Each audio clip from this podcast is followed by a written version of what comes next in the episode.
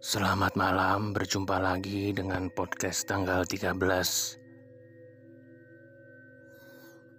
Buat teman-teman yang baru dengerin podcast ini Jangan lupa subscribe YouTube-nya. Jangan lupa juga ikuti podcastnya di Spotify.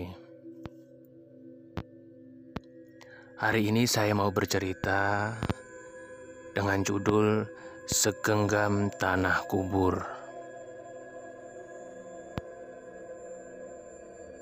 Ceritanya seperti ini.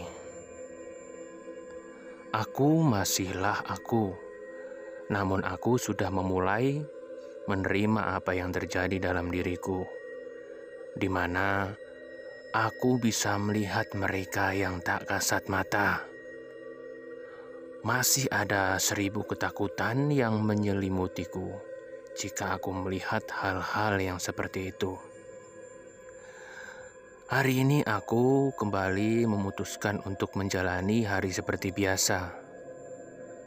Ayahku ini bekerja sebagai penjual sayuran keliling, dan ibuku bekerja sebagai ibu rumah tangga yang memiliki warung kecil-kecilan.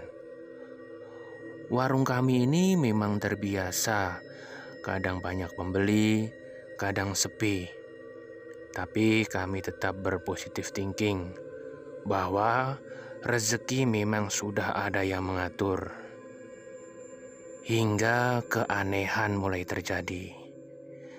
Di dalam gerobak sayur bapak terdapat tanah yang dibungkus dengan koran. Namun, bapak masih berpositif thinking. Apa ini ya? Kok di gerobak ada tanah? Oh, mungkin ada pembeli yang sedang mena mau menanam tanaman di polybag dan lupa menaruh tanahnya di sini.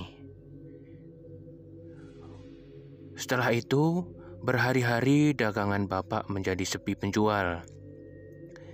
Hingga Bapak memutuskan untuk libur.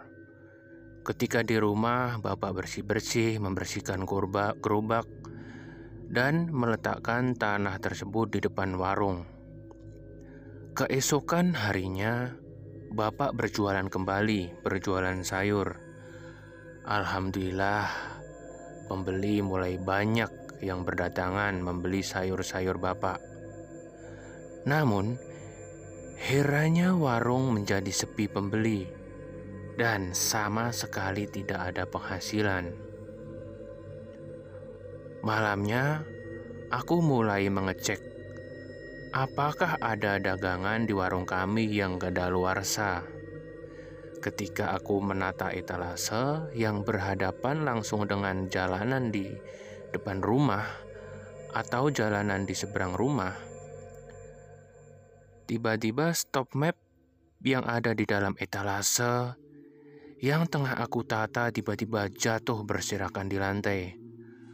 Aku pun berjongkok mengambil stop map stop map tersebut. Ketika aku berjongkok, mataku menatap etalase yang menghadap ke seberang jalan. Aku melihat sosok yang compang-camping, berwajah rusak tengah melotot di seberang jalan. Aku hanya terdiam ketika melihat pemandangan tersebut. Ya Tuhan, apa lagi ini? Kemudian aku langsung berlari ke kamar tanpa mempedulikan ibuku memanggil. Keesokan harinya, saat aku pergi keluar, aku melihat kembali sosok tersebut berada di depan warungku. Aku melihat sekilas, lalu langsung menoleh ke arah lain karena aku sangat ketakutan.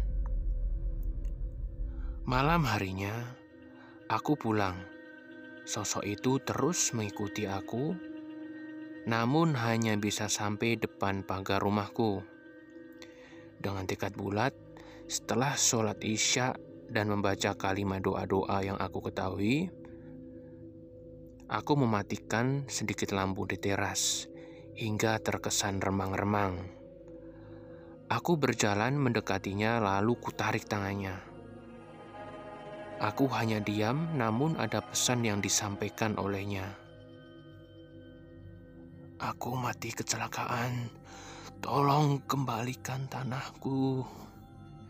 Setelah itu aku tersadar kembali.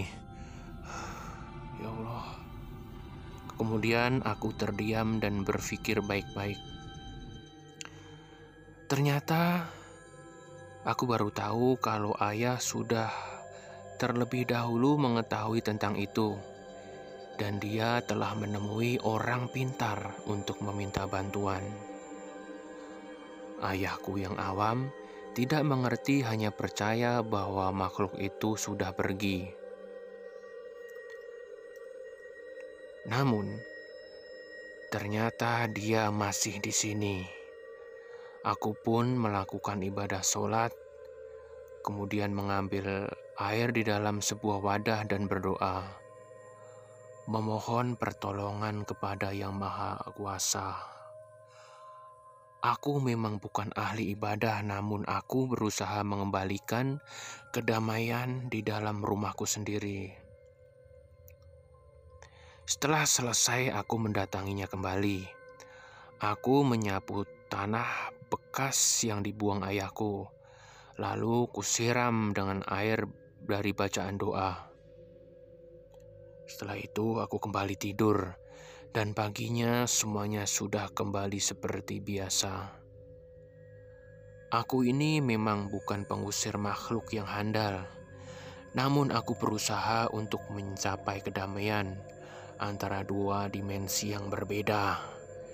Dan teruntuk orang yang selalu iri dan dengki atas rezeki orang lain, maka kamu bertaubatlah sebelum terlambat.